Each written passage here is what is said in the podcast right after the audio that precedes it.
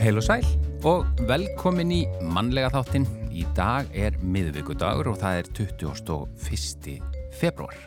Já, og hann kemur til okkar hann Þorvaldur Þórðarsson, profesor í eldfjallafræði og bergfræði og uh, við ætlum svona að það spyrja út í stöðuna á Reykjanesi eins og hann er í dag. Já, uh, Sóli Höll er aðferð sem að snýst um snemtæka í, í hlutun, aðgerðir og vinnulag til að auka geð og tilfinningaheilbriði ungra barna og foreldra. Og við ætlum að fræðast um þessa aðferð Sóli Höll í dag en Gunnlaug Torlasíus yfir félagsráðgjafi landsbítalans og formaður Geðvendafélags Íslands ætlar að koma í þáttinn ásamt kjartani valgarsinni framkvæmtastjóra félagsins til að segja okkur frá Sóli Höll. Já, svo er það íslenska strandmenningin framöndan er Málþing Vitafélagsins um okkar strandmenningu, stöðu hennar og framtíð. Og þarna verða flutt erindi. E, Sigurbjörg Árnadóttir formaður Vitafélagsins kemur til okkar hér á eftir. Ásamt Árnad Daniel Júliusinni sakfræðingi og þau ætla að segja okkur frá þessari e, þessu málþingi og ímsu fleiru sem snertir okkar strandmenningu sem við vitum kannski ekki nógu mikið um. Já, uh, það er einmitt, ég held að það sé mjög algeng þessi spurning, hvað er það? Mm. Og við fáum svar við því vantala eftir. Uh, en við ætlum að byrja tónlist eins og alltaf. Þetta er lag sem að uh, hljómsveitin Grafík flutti fyrst en hér í flutningi Tokka og Our Lives og heitir Þúsund sinnum segðu já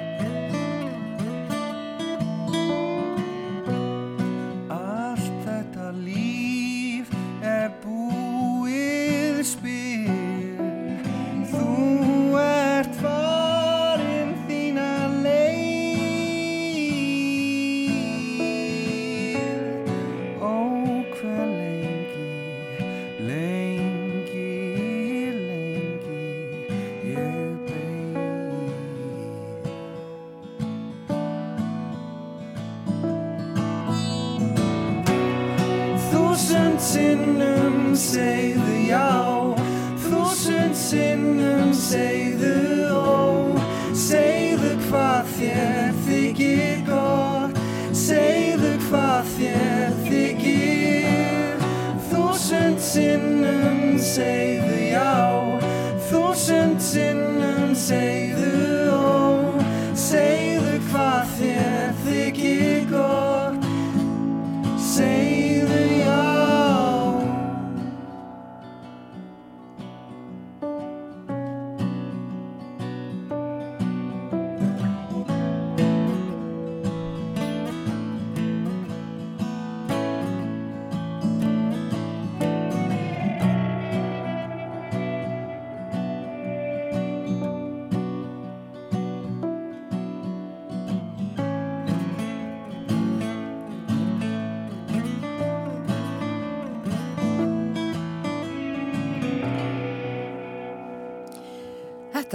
Þúsund sinnum segðu já.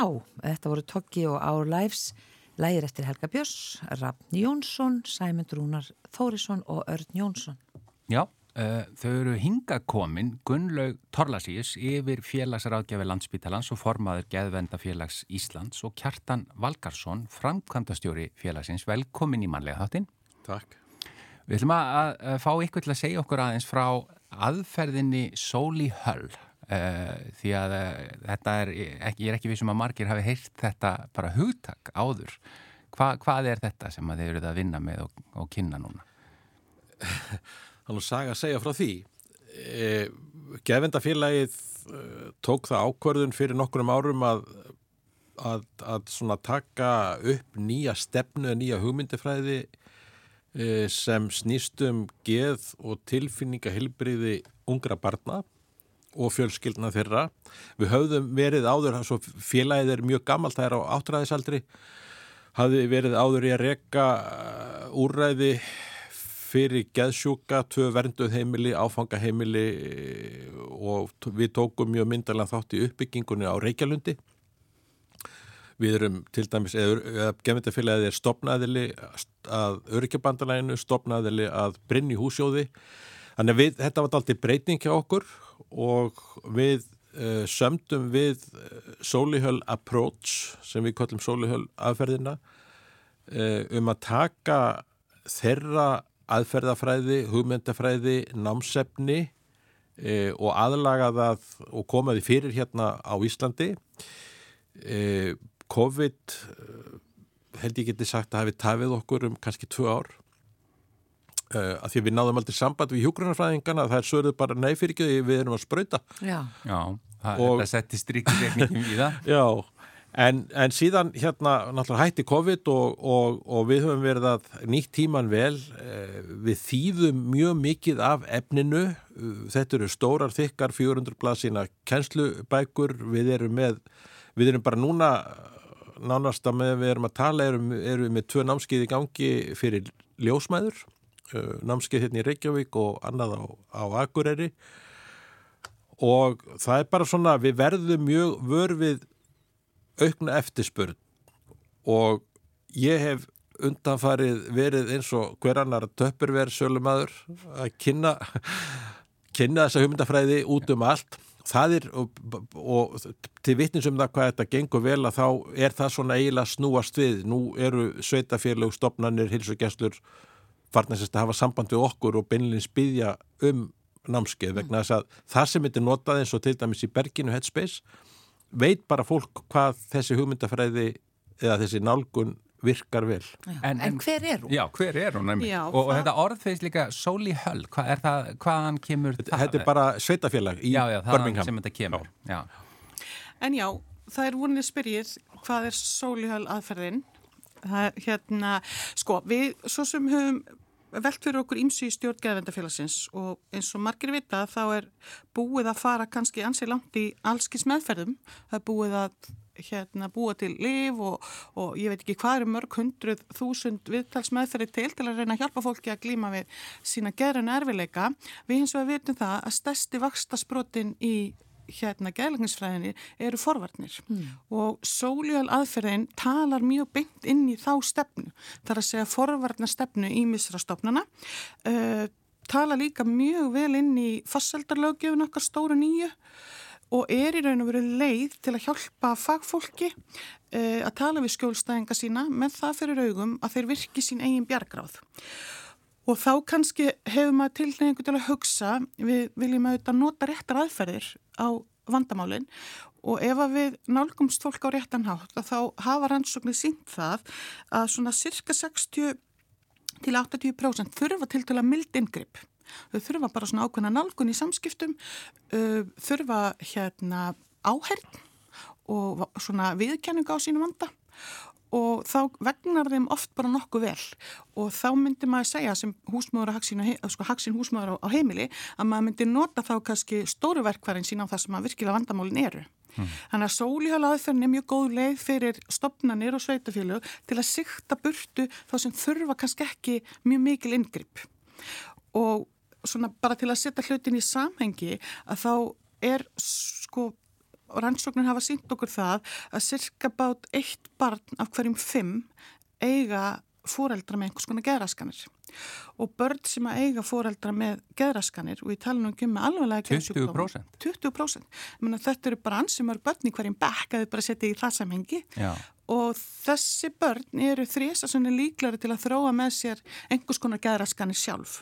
Þannig að það er mjög mikilvægt fyrir okkur held ég að huga að þessu og setja netin okkar ofalegi ána og veiða sem flesta þá en við höfum Íslandingar pínu tilneingu til að láta einhvern veginn hlutin að flæða og svo flautu við fóktýra björgunabáta út á ósana. Þetta er ágæntist líking að setja netið ofarlegi ána. Já. Þannig að aðferðin snýst svona, eh, ef ég skilir rétt, um það að eh, sem, sem flest fái samtalið mm -hmm. eða og áhernina. Það er aldrei þannig og ef maður heyrir í börnum sem að hafa búið við svona erfileika í benskunni sinni að þá er það aldrei svona, það er svolítið sami tótnir hjá þeim þau þurfa ekki mikið, þau þurfa oft bara einhvern einn sem sér þau og heyrir og viðkennir þau og þá líður þau mun betur heldur en, heldur en ella og við viljum auðvitað vera þessi eina manniska sem Já. að gera lífi pínlíti betra fyrir líti bann. Og, og þetta sem þú kallar snemtæk e, e, e, inngrip, eða ekki? Jú. Já, þá er það bara að byrja að grípa þetta fyrr. Grípa fyrr, byrja á meðgöngu, þjálfa fóreldra pínlíti í því að hugsa um þarfir barna sinna, hugsa um það á hvaða hátt mín líðan hefur áhrif á daglegt líf bassins míns og svo framvegis og svo bara upp úr leikskóla og grunnskóla. Er, er þetta mikið öðruvísi en það er nálgarnir sem hafa verið hinga til eða er þetta bara ytta aðeins betur? Það er ekkert nýtt í sólihjölaðferðinni, það er bara ekkert nýtt en hún Já. saminar að einhverju leiti svona þrjá skóla, atverðlismótun og virka hlustun að einhverju leiti og svo það sem við kjósum að kalla umhegð og umhegðin er í bara einni setningu, hún er, hún er svo að þú getur mætt skjólstæðingum þínum, tekið við þeim erfileikum sem þeir eru að glíma við, án þess að þeir setja þau á annan endan og skila þau með einhverju leiti tilbaka. Já, og þú ert að segja kjartan að það sé farið núna að leita til ykkar vegna þessar uh, aðferðar. Hvernig, þá, hvernig komið þið þá inn? Og... Já, hún bara, hún bara virkar vel. Uh, hún er notuð hjá keðjunni sem er svona úrræði hjá Reykjavík og Borg og Berginu eins og ég nefndi á þann en mér langar aðeins að, að hérna að því þið nefnduð þetta hugtak umhegð, þessi aðferðin hún byggist upp á þremur hugtökum og bókin sem ég lánaði hérna á þann sko, svakalega mappa hérna. Og, og, þú, get, þú getur séð þetta þar en, en aðal hugtakið á ennsku er containment við vorum í vandrað með að þýða það og vorum með samhigð og svo bara byggum við til þetta orð, umhigð sem er sambland af, af hérna umhyggju og samhigð umhyggju og samhigð, já, já. og það, það mér, veist, ég er ekki heilbriðis fagmaður eins og gulla ég, ég er bara bókmyndafræðingur en það er mér finnst best að skilja þetta þannig að ef þú segjum að, að, að þú Gunnar sért í, þeir líði mjög illa út af ykkur, það er döiði eða eitthvað sem er mjög erfitt. Eitthvað áfall? Býtu, já, svo áttu bestafinn og ef þú getur listað upp og skrifa nýra á blad hvað í viðbröðum vinarðins væri gaglegt og hvað væri ógaglegt. Og þá, þá sér maður hvað umheið er vegna þess að við erum enga stund að lista upp það sem er ógaglegt. Ég hef lendið þessu sjálfur. Hættu þessu væli tíminn læknar öll sár. Og farðu bara út og reyðu þig og eitthvað svona. Öll svona viðbröð eru ógagleg.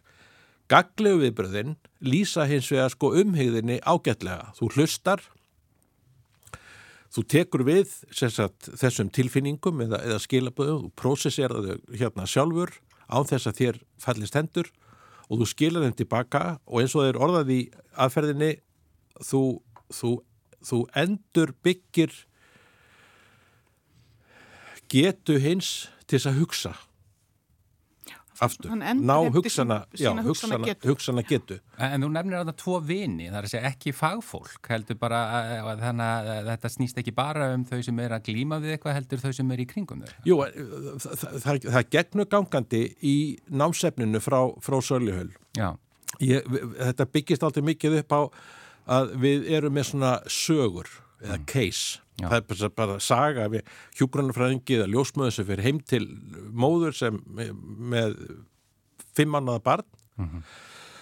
og mjög oft uh, segjum sér svo, og barnið hérna það eru söpnandamál og móðurinn móðurinni finnst hún ekki dráða við það og mjög oft leysist málið svona nokkurt megin þegar, hjúk, þegar ljósmóðurinn spyr móðurina um sína eigin æsku. Sitt eigið uppeldi. Já. hvernig var það? Já, þá kemur oft svona eitthvað upp á yfirborðið.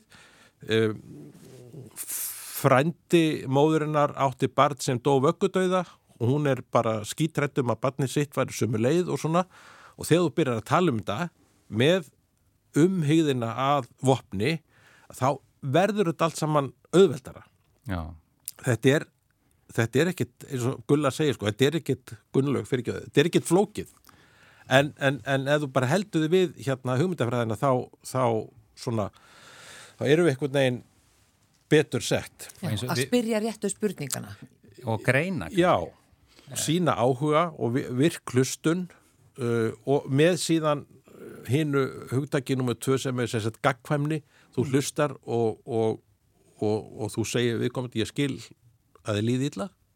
Dæmis? Það er kannski að við mætti bæta bara rétt við hérna að þá er það þannig að þeir sem hafa komið á námski hjá okkur segja flestir, já, ég held ég hafa alltaf verið að gera þetta en ég vissi bara ekki væri að því. Þannig að þetta setur hlutum aldrei í samingi og þú færð þarna á hverju verkværi sem er gaggreint og hérna þetta setur svolítið svona styrk í fagmannin og rannsóknir hafa sínt okkur það líka að þeir sem að nota sólihöl aðferðina, þeir eru örgar í vinnunni sinni og þeir upplifaði sig að gera meira gagn. Já, af því það er auðvelt að, uh, sko, þegar maður er að hlusta, að halda að maður þurfi að einhvern veginn finna lausn eða svona ráða fram úr vandanum. Það er krísan í okkur sjálfu, Já. við taljum okkur þurfa að leysa vandamálinn. En bara það að dvelja í þeim, það hjálpar fólki oft bara að leysa þau sjálf. og Já, þessi virka hlustunin minn. Gunnlaug Torlasíus, uh, formaði Geðvendafélags Íslands og Kjartan Valkarsson, frangatastjóri, við bendum bara þá á Geðvendafélagið ef að fólk vil fræðast meira um þetta og, og eins og þið segið, sveitafélag og stopnarnir eru farin að hafa samband við ykkur og jafnvel uh, fyrirtæki og, og, og þannig að það er hægt að heyri í ykkur og fá frekari upplýsingar. geðvernd.is Geðvend.is, uh, Gunnlaug og Kjartan, takk kærlega fyrir komin í manlega þáttin. Takk. Takk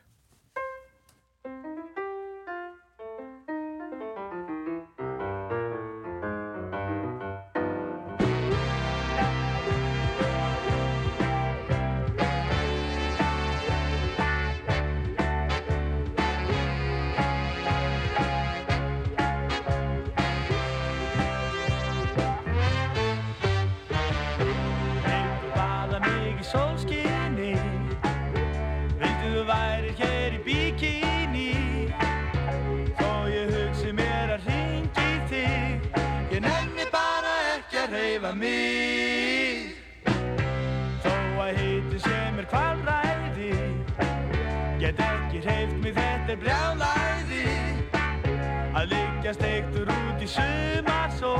Með segulband á full og lusta á rock'n'roll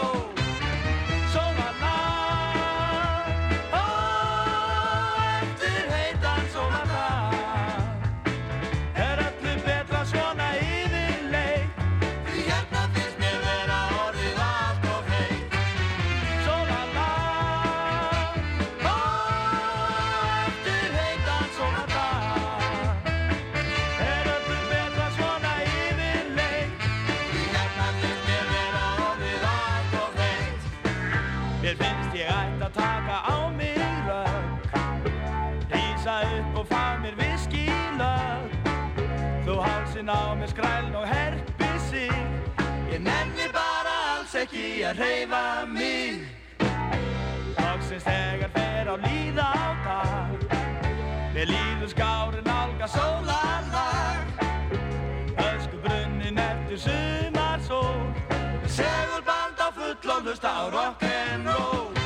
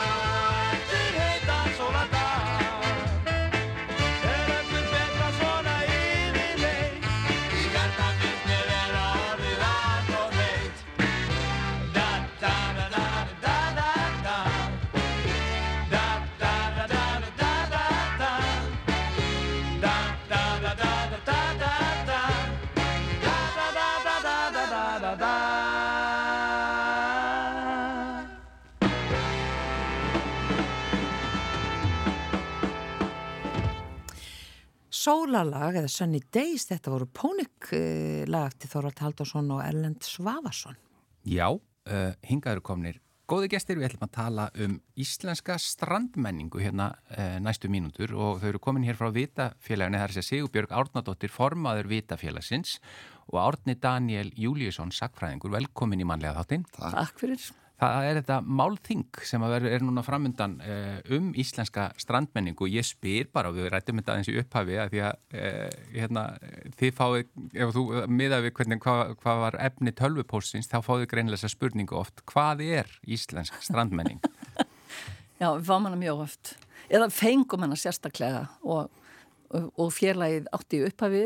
Þetta er, við erum í rauninni að halda upp á hérna, 20 ára ammali félagsins Þegar félagi var stopnað þá átti það að heita bara Strandmenningafélag Íslands Já. en orðið strandmenning var ekki til í íslenskum orðabókum Já. og fólk tengdi það söðrænum sólaströndum og ég sem var svona tiltúlega nýflutt til landsins aftur eftir að hafa búið Erlendis í smá tíma mér var bara að klappa á kollinu og ég spurði því hvort ég væri virkilega svo vittlis að halda sjórin hefði hlínað og ég hefði brúðið mér að bæ þannig að, að það var bara, já, þetta var ekki til þetta hugtak. Þetta er ekki sólstrandamenning. Þetta er ekki sólstrandamenning. Já. Þetta er bara mannlífið við ströndina sem að hefur, já, eins og teningurinn margar hliðar. Já. Já. Og það eru við að reyna að sína í þessu, á þessu málþingi sem verður á Akranesi 4. mars og bæði með tónlist og, og matarmenningu og bara sögunni og spurjum okkur líka um framtíðina, um umhverjusmál og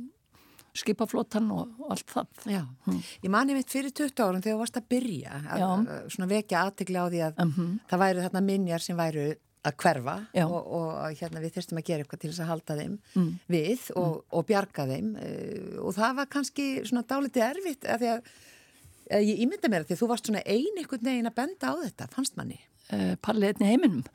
Já, það var svona svolítið þannig viðbröð fólk einmitt bara átt að þessi Já, og ég var spurðaði hvort ég ætlaði að stopna na- eh, næsta, ætlaði, hvort ég ætlaði næsta að stopna eh, félag um súrheifsturna. Ég mann það. En, en hérna, já, fyrir 20 árum voru sko fordleifa fræðingar sem voru að eh, rannsaka eh, minjar við sjávarsíðuna tellenda fingrum annar handar. Uh, kannski ekki bara af áhuga leysi þeirra sjálfra heldur er fjármagninu náttúrulega stýrt Já, og þetta strandmenning á Íslandi hefur bara ekki þótt par fín. Af hverju látum- hafðið þú svona mikinn áhuga fyrir þessu? Kanski vegna þess að ég ólst ekki upp fyrir strönd. ég, ég veit ekki, ég, ég, áhugin minn, ég hef búið bæði í Nóri og Finnlandi og kynntist norskri strandmenningu sem er mjög lífleg og blómleg. E, bjó í Finnlandi e, þar sem líka er, þú veist, við vötnin þar meira. mm. e, allir eiga sér bát og nor norðmenni frekar bát heldur um bíl og nota báta og sína sögu við ströndina í ferðarþjónustu mjög mikið til nýsköpunar og bara atvinnu, uppbygg, upp, atvinnu uppbyggingar í dreifðari byggðum landsins. Þetta eru við ekki að gera. Síðan þegar ég var að koma með uh, erlenda ferðamenn, finna, þá vill fólk fá að sjá hvar bygguðið. Við eigum jú ekki mikið af höllum og, og hérna, byggingum frá landnámstíma og uh, maður þurfti að reyna að útskýra því að voru siglingavarir þarna, einhver stað þarna var verbúð og þarna var sennilega bátarskili og svo framvegis. Og síðan komu þessi ágættu lög okkar, hérna úrildingar lögin sem að fólki var eiginlega bara skipað að eidileggja sína bátam. Já. Og í dag má ekki nokkur maður fara á sjó sem að, já, bát, sko, sem meira en hvað, fjóri metrar, sex metrar, nema að hafa með, með sér hérna líkpoka og dömubindi og, og hérna endur lífikunar tæki og svo framvegis, þannig að það er ekki mjög margir kallar á sem að, eru einir á sjó sem að hafa þennan útbúna með sér.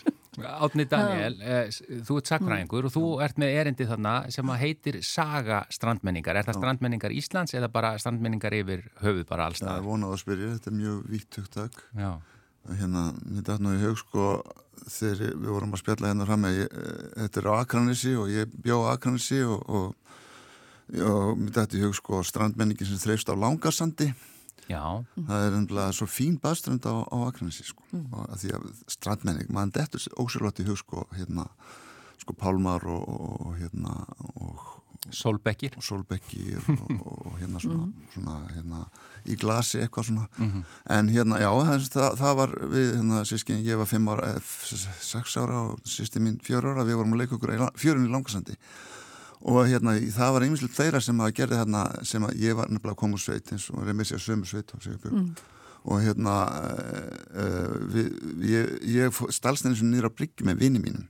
Mamma var alveg öskureið og hérna, en ég veiti skarkóla Já, og þetta var veitt á bryggjunum á, á Akranesi hérna, pólarnir veitu skarkóla og hérna síðan fór ég aftur norður og, og, Dalvik og, og þá hérna var ég ofta veiða þorsk. Þar var þorskur af marnútur þótti mikil skam að fá marnút sko.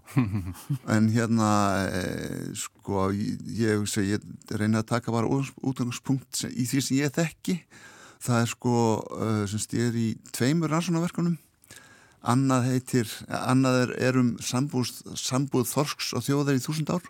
Já, og hérna það er, það er fjármagnað ameríska vísindisjónum og síðan er það hérna annað verkefni sem að, líka amerikanar sem hafa fórgöngu, það er um sögu kvala, kvalveiða og kvalnýtinga á Íslandi. Nýtingar og eitt, annað erindi sem kemur eftir mér, það er Lísabeth Guðmundsdóttir sem er með það, nýjunum doktor í uh, reyndar uh, viðarfræðum en, en hún er núna að rannsaka alveg stórmerkilegan stað á höfnum á Skaga með þessum, eh, með Viki Sabo og Brennu Magljót sem eru amerikanandi, önnur, er bandarækjumæður, hinn er frá Kanada. Og uh, það hefur fundist svona alveg fullt af kvalbeinum þarna íst á skaganum. Þetta þetta hefur staðfest sko ímsar hugmyndir sem hafa verið í, í á kreiki með kvalreka að hérna það hefur komið ljós að mörg á kvalbeinunum sem að finnast í forlöfum eru af steipi, steipiriðum þessum allra stærstu kvölum já, og fólk fór að spyrja sig var þetta bara var þetta kvala, kvali sem rak bara í fjörunar og, og var að nýta nei, þetta var þessi, náma þarna þessi, þessi, þessi haugur, þessi öskuhaugur af, af, með fullur á kvalbeinum hann sýnir að kvalirni voru þeir voru eldir, þeir voru veitir og dregnir landi. Og vísbendingum bara kvalveðar Já, kvalveðar á miðöldum og við erum með sko sem sagt, þetta var engin smá kvalreiki að fá kvalreika Já, að hérna sko eitt kvalur við reiknum við þetta út einhvern tíðan, ég og Viki sem er umhverju sagfræðingur í Norðurkarolínu uh, háskóla þar og hún sko við fundum út að, að, að það að fá svoleiðis kvalreika steipriði það er jafngildi 5.000 kinda eða lamba eða sögða 5.000 sem sagt. Í bara í matnum og öllu í, sem að í mat sko. Já, það er semst uh, hliðstæður eða 5.000 tvö- eða var, eftir hvernig það var reiknað 25.000 sko þess vegna er, er þetta í dag kvalreiki, það er einhvað sem að rek- einhvað virkilega gott sem að bera gardi Já. Já.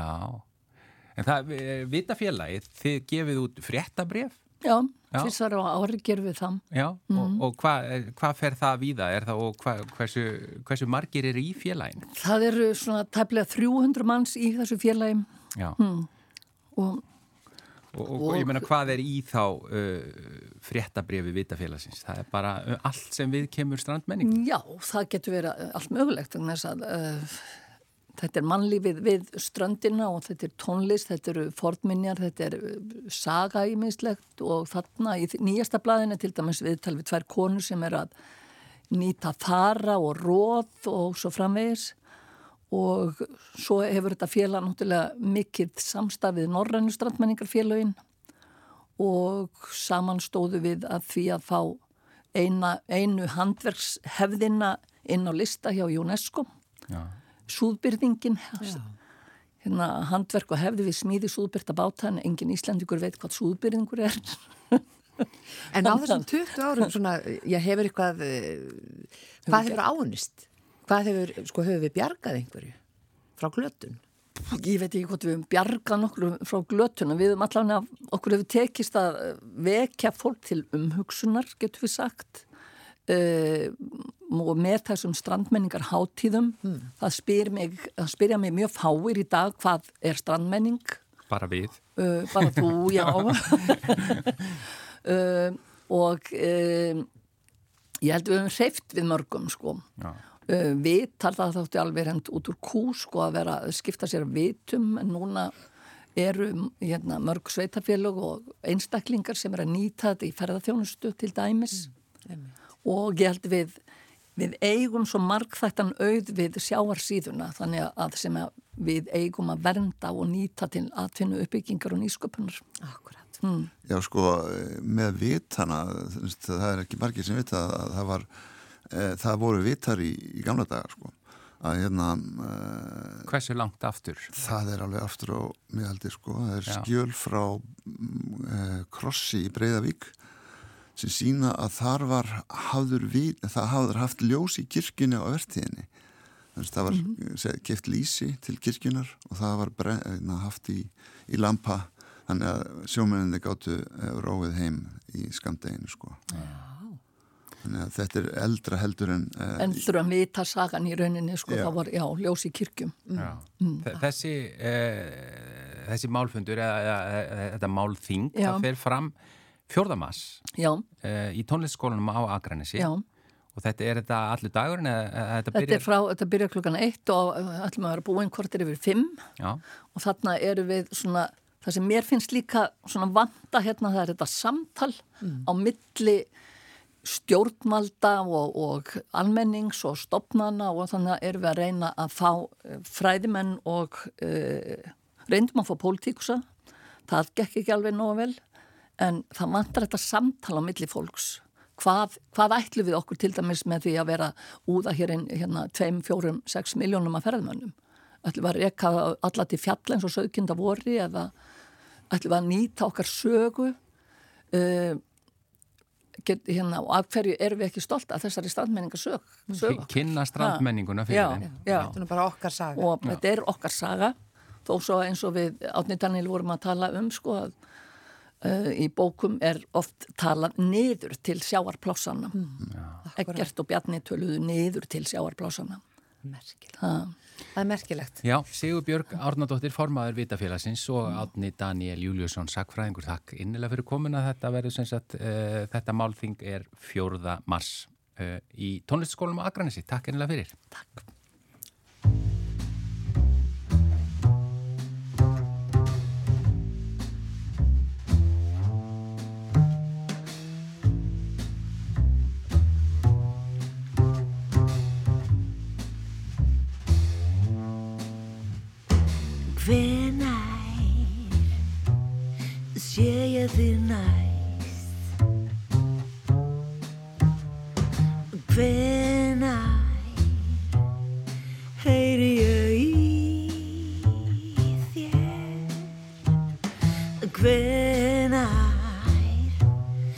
kemur þú heim? Hvenær svararðu bankinu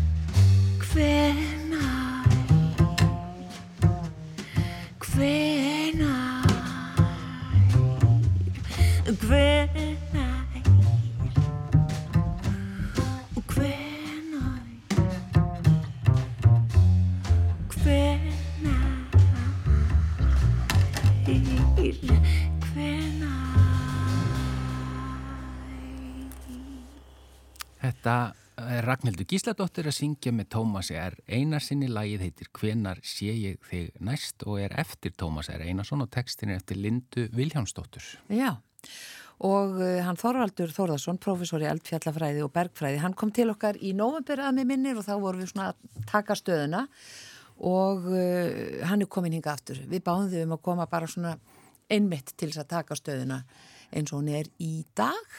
Já, bara góða daginn. Já, Góðan góðan daginn. Og velkomin.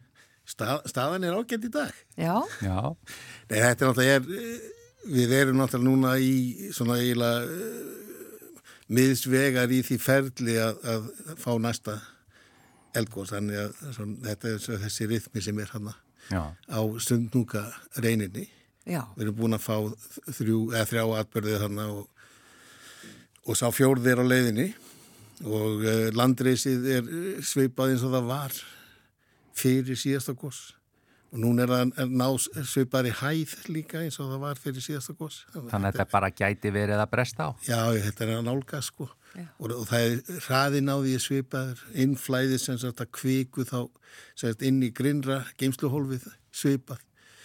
Og uh, það er kannski svona eitt af því aðtíklisverða sem að við erum að sjá núna er það að við náttúrulega erum með dýbra geimsluhólf svona á 10-15 km dýpi og það er verið að taka kviku úr því og flytja hana upp. Og uh, það er einn möguleik þessi skjálta sem við erum að sjá núna í Faradalsjalli sem eru til dæla djúpir svona 7 til alveg uppundi 10 km dýpi. Að þeir séu vegna þess að við erum að taka efni úr þessu neðra hólfi og það næri ekki að fylla jafn harðan inn.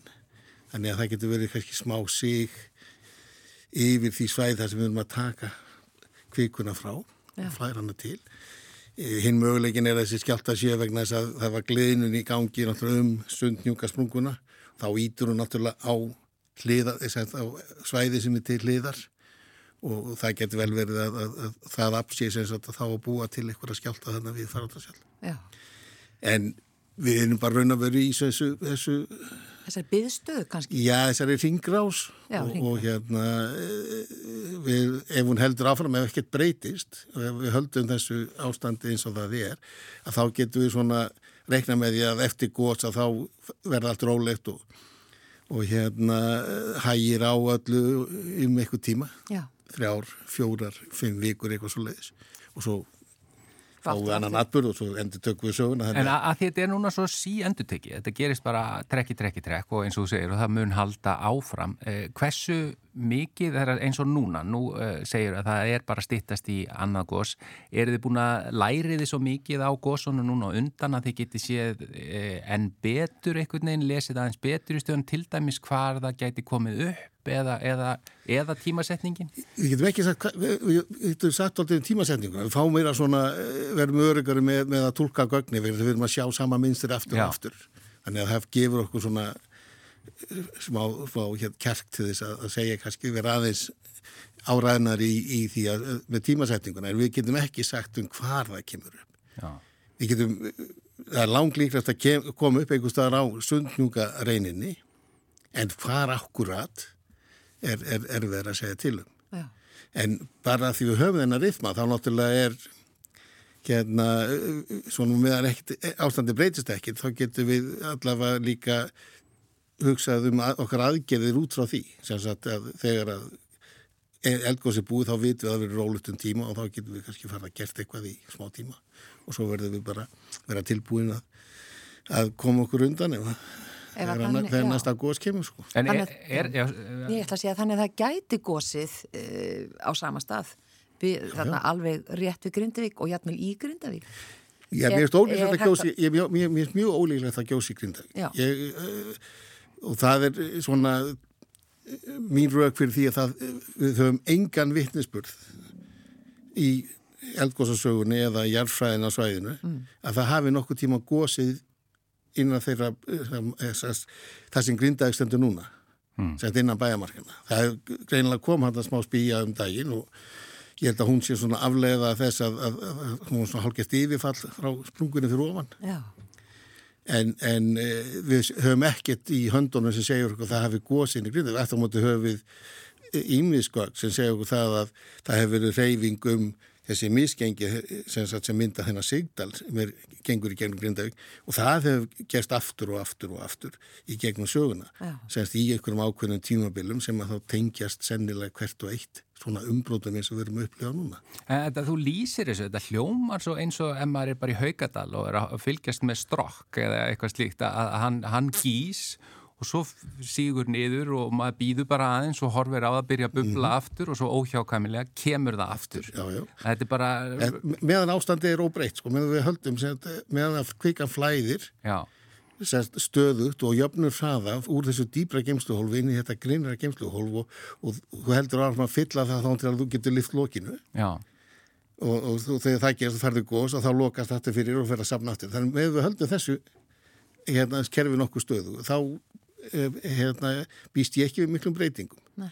semst á, á semst, þessu, þessu ferli sem er í gangi. af hverju fer svona tímabila stað? Af hverju fer allt í einu að verða til þetta, uh, þessi aksjón aftur og aftur? Hva, hvað er það, af hverju er þetta að koma uh, trekk í trekk núna úr yðrum í jarðar? Þetta er alltaf mjög góð spurning og hún líka mjög stór. Ef við vissum öll svörin þá varum við í, í hérna, mjög góð málum en sko allavega svona eins og ég sé það að þá eh, er þetta sérst að við erum með að því að þetta tengist allt saman plötu skílunum og hvernig plötu skílinn koma hérna sérst að Reykjanes hryggurinn koma inn á Reykjanes skagan og síðan hvernig þau liggja yfir Reykjanes skagan og, og, og og hvernig reyfingar á þessum plötuskilum hérna annarkvært auka eða, eða losum spennu á Reykjanes skaganum sjálfum. Mm.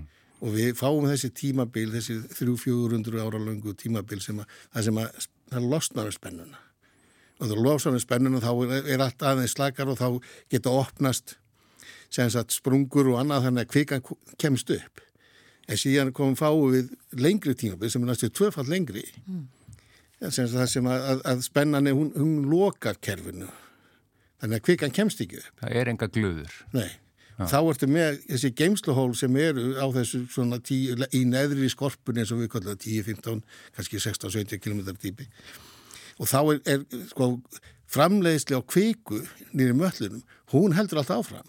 Já, hún er raun og verið ekkert háð því sem er að gerast hér á yfirborðinu okkur það er önnur ferðlega sem stjórnað þeirri framleiðni og hún náttúrulega bara myndast og flæður upp á við og sapnast þá fyrir í þessu dýbra gemsluhólfi og þá smátt að smátt eiguru Þrýstingin. já, þrýstingin og, og, og, og sem sagt, kvikumagnið í geimsluhólfinu og, og hérna þangar til að þú það komið að kannski ákveðna ákveðin þrýsting þannig að það, þegar að opna sklufa þá getur það farið að stað. En er, Svo- er, er það að því að þið komið það mikið magna kviku að það ítir á að það opnist glufan eða opnast glufan eh, ekki út af því? Það er alltaf stóra spurningin og þegar þetta sem við hérna kannski þrefum stundum tólduðum er hvort, hvort það er ekkið eða hæna að koma undan. Já, já, já. og uh, ég held að sé hvort þetta er samspil við getum fengið sagt, hérna, stórar bara sem sagt, mikið nýka á plötuskilunum sem er ekki tengt kviku heldur bara þessari spennumundir sem myndast upp við það að, að, að hérna, platan, sem sagt Ameríkuplatan sem er í vestri og Evróplatan sem er í austri þau eru að fara í anstæðar áttir. Þá, eru þau bara tóa og og, og, og svona eh, búa til spennu á plötuskilum og svo þegar hún er orðin það mikil að, að, að, að það nægir til þess að, að hlutinni rökkvið þá fer alltaf stað það getur opnað fyrir. Svo þegar eins og þú sapna kviku þá byggir upp þrýsting líka í kvikuhólun og það getur hjálpað til við að, að bæði til dæmis að, að opna og eða halda opnu. Já, akkurat. Og, og þannig að þetta, þetta er, það er mjög erfitt að skilja þetta alveg 100% að og, og hve- hvor þátturinn er ráðandi og hvor ræður meira, þeir eru náttúrulega báðið spila í þessu, hvor hefur meiri áhrif í hvert skipti? Það er, er, er erfitt að, segja til um það. Við, við verum ekki komið það langt að við getum endilega greint það allt sem Þetta þið er er að... spennandi fræði. Mjög, allt Að eru að læra núna, þið hljóta þetta hlýtur að vera mjög áhugavert Já, já. og e, sérðu fram á það einhvern tíman í framtíðinu með þá betri mælingum og annað að það sé hægt að sjá svona, fyrir, fyrir, eða svona eh, tímabil fyrir með meiri fyrirvara að við vitum bara öruglega á næsta ári fyrir þetta allt í gang eða eitthvað slíkt eða, ég, ég hugsa það sá tími komi já, og byggja það doldið á kannski þeirri hérna vitnesku að, að fyrir sko já, um, upp úr hérna 1767 þá fóru menn að gera skipulegar viðratóni með það í huga að geta verið með Einmitt. eða spáð fyrir um veðrið í framtíðinni og það voru á þessum tíma það voru minni með 57 stöðvar í Evrópu sem við á dreifum með Evrópu og það, þar voru menn sem gerða veðuratónir Já. þrísvara dag og þeir mældu sem sagt, bæði þrýstingin í andrúslottinu hitast í síðan var náttúrulega regnið og, og, og skíafarið og, og, fleira sko og þetta gerði menn hann í, í uh, réttur um 30 ár þegar ég held þetta út í 30 ár þetta er alveg svakalega vinna að gera þetta alltaf á hverju mótn og skráið þetta allt saman og svo sendiður niðurstöðuna til Mannheim í Þýskalandi þar sem öllu var safnað saman og sett í mikinn dóðrand og þetta er allt saman til. Og þessar aðtónu urðu til þess að fyrsta veðurkorti var búið til. Það, var, það var búið til hérna 1819 ef ég maður rétt. Og uh, það er sem sagt uh, út, út frá þessum gögnum. En hvenar fengum við góða veðurspá sem við treystum mjög vel. einhvað langt fram í tíman Já, það, við, það voru við komum miklu nær okkur í tíma sko. já, já, og það er raun og verið ekki fyrir en gerfitunglin kom inn og, og, er, er, og það er aðtöðan sem að, að, að þau veit okkur sko, og, og að við fórum að vera með áræðanlega veðspar, fá gott yfirlit. Og við, sko, þetta tók alla þennan tíma að þróa þessa, þessa tekni og þessa þekkingu. Við samt erum að horfa á veðrið. Við sjáum veðrið. Já, já. við sjáum ekki kvikuna undir yfirborði Þess vegna er lengra í að við komumst á sama stað með þessu. hugsanlega eða, eða ef tækninni fleitið fram Já, Þannig ef við getum verið, ef við finnum upp einhverja aðferð þar sem við getum hérna, fylgst með kvikunni á öllu þessu dýpi. á öllu þessi típi og hvað hún er að gera og hvernig hún er að þróast. Ef við fáum þannig tæki, við erum ekki komið þetta, það eru, eru óbeina mælingar, það gefur okkur ákveðna vísbendingar, en þeir eru ekki raun að vera að segja okkur hvað hún er að gera, þannig við vitum það 100%. Ef við komumst á það stig, þá held ég getum farið að spá fyrir um gós. Já, Sko. La langtíma spár. En svona bara rétt í lokin bara þegar þú ferð á fætur á mótana Þorvaldur, hvað er það fyrsta sem þú aðtugar í tölvuskjánum? Ég, fyrsta sem ég gera á mótnana þegar ég fyrir að fæta, ég fæ mig kaffi. Já, nei, svo er það, maður náttúrulega, ég, maður... svo ég, sestu við skjáin. Já, já, og maður kíkir á eh, sagt, eh, þessi, þessi mælitæki sem við stóðum með Já. og það er nú kannski fyrst og fremst núna í, í, sko, í þessum atbyrnum þá er það, er það land, eh, sem sagt, GPS mælitækin sem er að mæla landrisi Já, og eins líka eh, hérna, skjáltalísu já, skjáltalýsa. Já, og svo fer maður að skoða bara, þú veist, önnur gögn sem koma, eh, ef þau hafa komið inn, eins og, og gerfutungla gögn og annað og svo fer maður að reyna svona bara að hugsa, hvað er í gangi? Já, já. Takk kærlega fyrir, þetta er mjög fróðlegt Þorvaldur Þorðarsson, prófessor í eldfjallafræði Takk fyrir að fræða okkur Takk fyrir mig.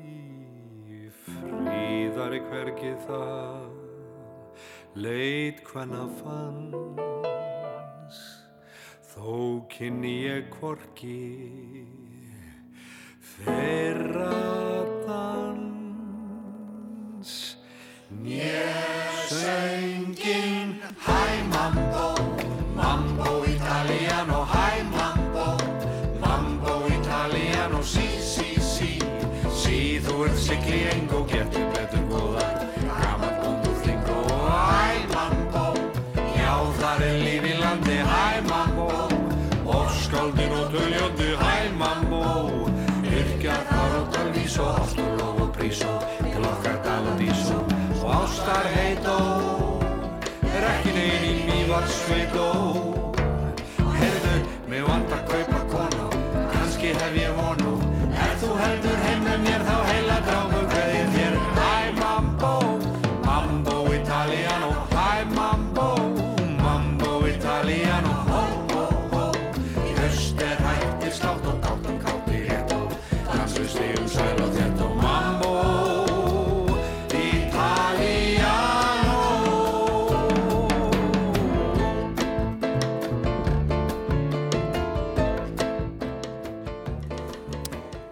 Þetta eru þetta Hæ Mambo, uh, Bókomil Font, söng þarna með tónum og tricks. Já. Uh, Lægið eftir Bob Merrill og Loftur Gumundsson samtið þennan texta og þetta er síðasta lægið í mannlega þættinum í dag.